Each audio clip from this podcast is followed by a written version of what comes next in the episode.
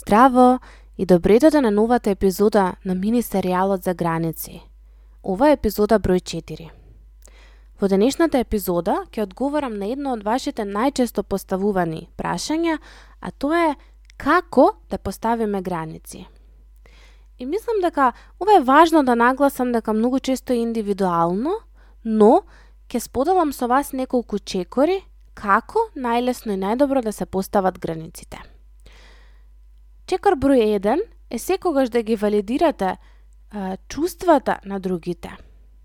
Односно, да бидеме свесни дека и другите носат одредени чувства и емоции и ние важно е да ги валидираме и да видиме дека се тука и дека постојат. Можам да видам дека си повреден, гледам дека ти е потребна помош, знам дека се грижиш за мене и така натаму. Чекор број 2. Пробајте да ја именувате акцијата која што сакате да престане. Односно, гледам дека се грижиш за мене, меѓутоа, кога ти толку многу ме критикуваш, ме срамиш, ме понижуваш, ме нарекуваш вака и вака и, и така натаму, а, јас се чувствувам така и така. Односно, давате точен назив за акцијата која што другата личност ја презема. Доколку го вратам примерот со свекрвата од минатата епизода, тоа би било знам дека многу не сакаш, знам дека многу сакаш да, да се видиме и јас многу те сакам. Ама кога доаѓаш ненајавена дома, е, тоа би значило така. Или кога не ни се најавуваш, а доаѓаш, е сега.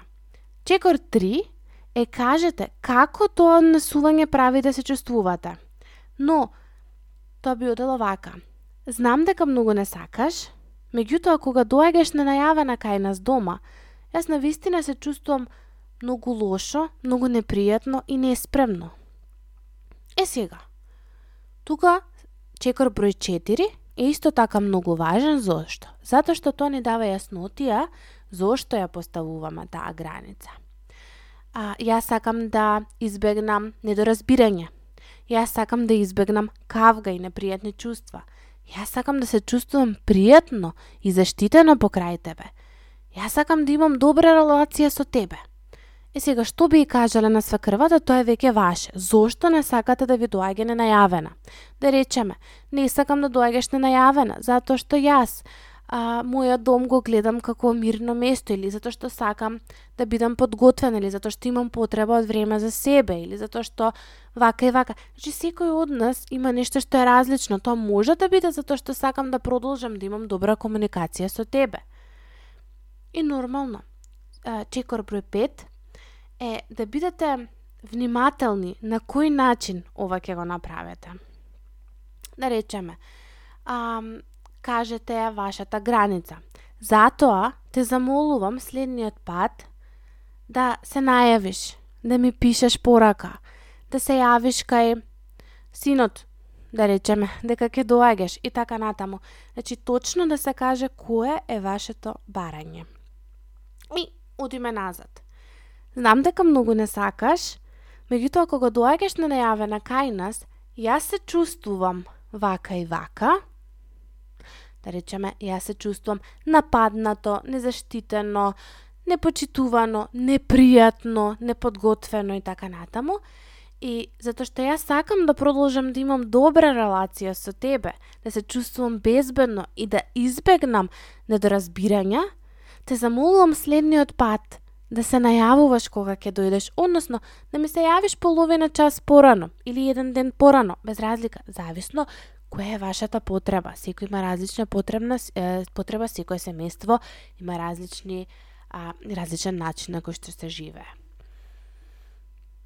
И доаѓам до последниот чекор, односно до чекорот, дека вие мора да кажете што е она кое што ќе биде последица. Најчесто луѓето го забораваат овој чекор, И најчесто овој чекор е заборавен и во родителството, сакајќи да се избегне казна, но ке нагласам, последицата не е казна. Ка, ние може да го гледаме тоа како казна, може би и другата страна па понекогаш ќе го доживува како казна, но тоа е само чин на одговорност. Односно последица. Кажете која ќе биде последицата. Доколку се случи а, ова повторно, јас нема да ја отворам вратата. И сега ова може другата личност да го свати многу лошо, многу непријатно, затоа ќе кажам дека поставувањето на граници знае да биде огромна одговорност, односно прифаќање дека тоа може периодично или многу долг период да го разруши односот. Но, доколку секој чекор се преземе, односно доколку се валидира другата страна, доколку тоа доаѓа од позиција на асертивност, на самоувереност, на достоинство, најчесто другата страна реагира добро. А на крајот на денот, доколку другата страна не реагира добро, тоа веќе е една свесност која што е убава, па да знаеме дека доколку другиот не почитува граници, ако сега не се почитува оваа граница, каде ли ќе стигне во иднина, па понекогаш е скроз во ред и здраво да престанеме да комуницираме со некоја личност доколку истата таа не научила да почитува граници. И ве молам, доколку и вие се пронајдовте тука дека и вие не почитувате граници, убаво е да размислите зошто. Односно, убаво е да видите што кај границите на другите луѓе вас ве плаши или ве создава непријатност. Дали сте така растени или не. Ви благодарам за вниманието. Се слушаме следно во наредната епизода од овој мини серијал за граници. Поздрав!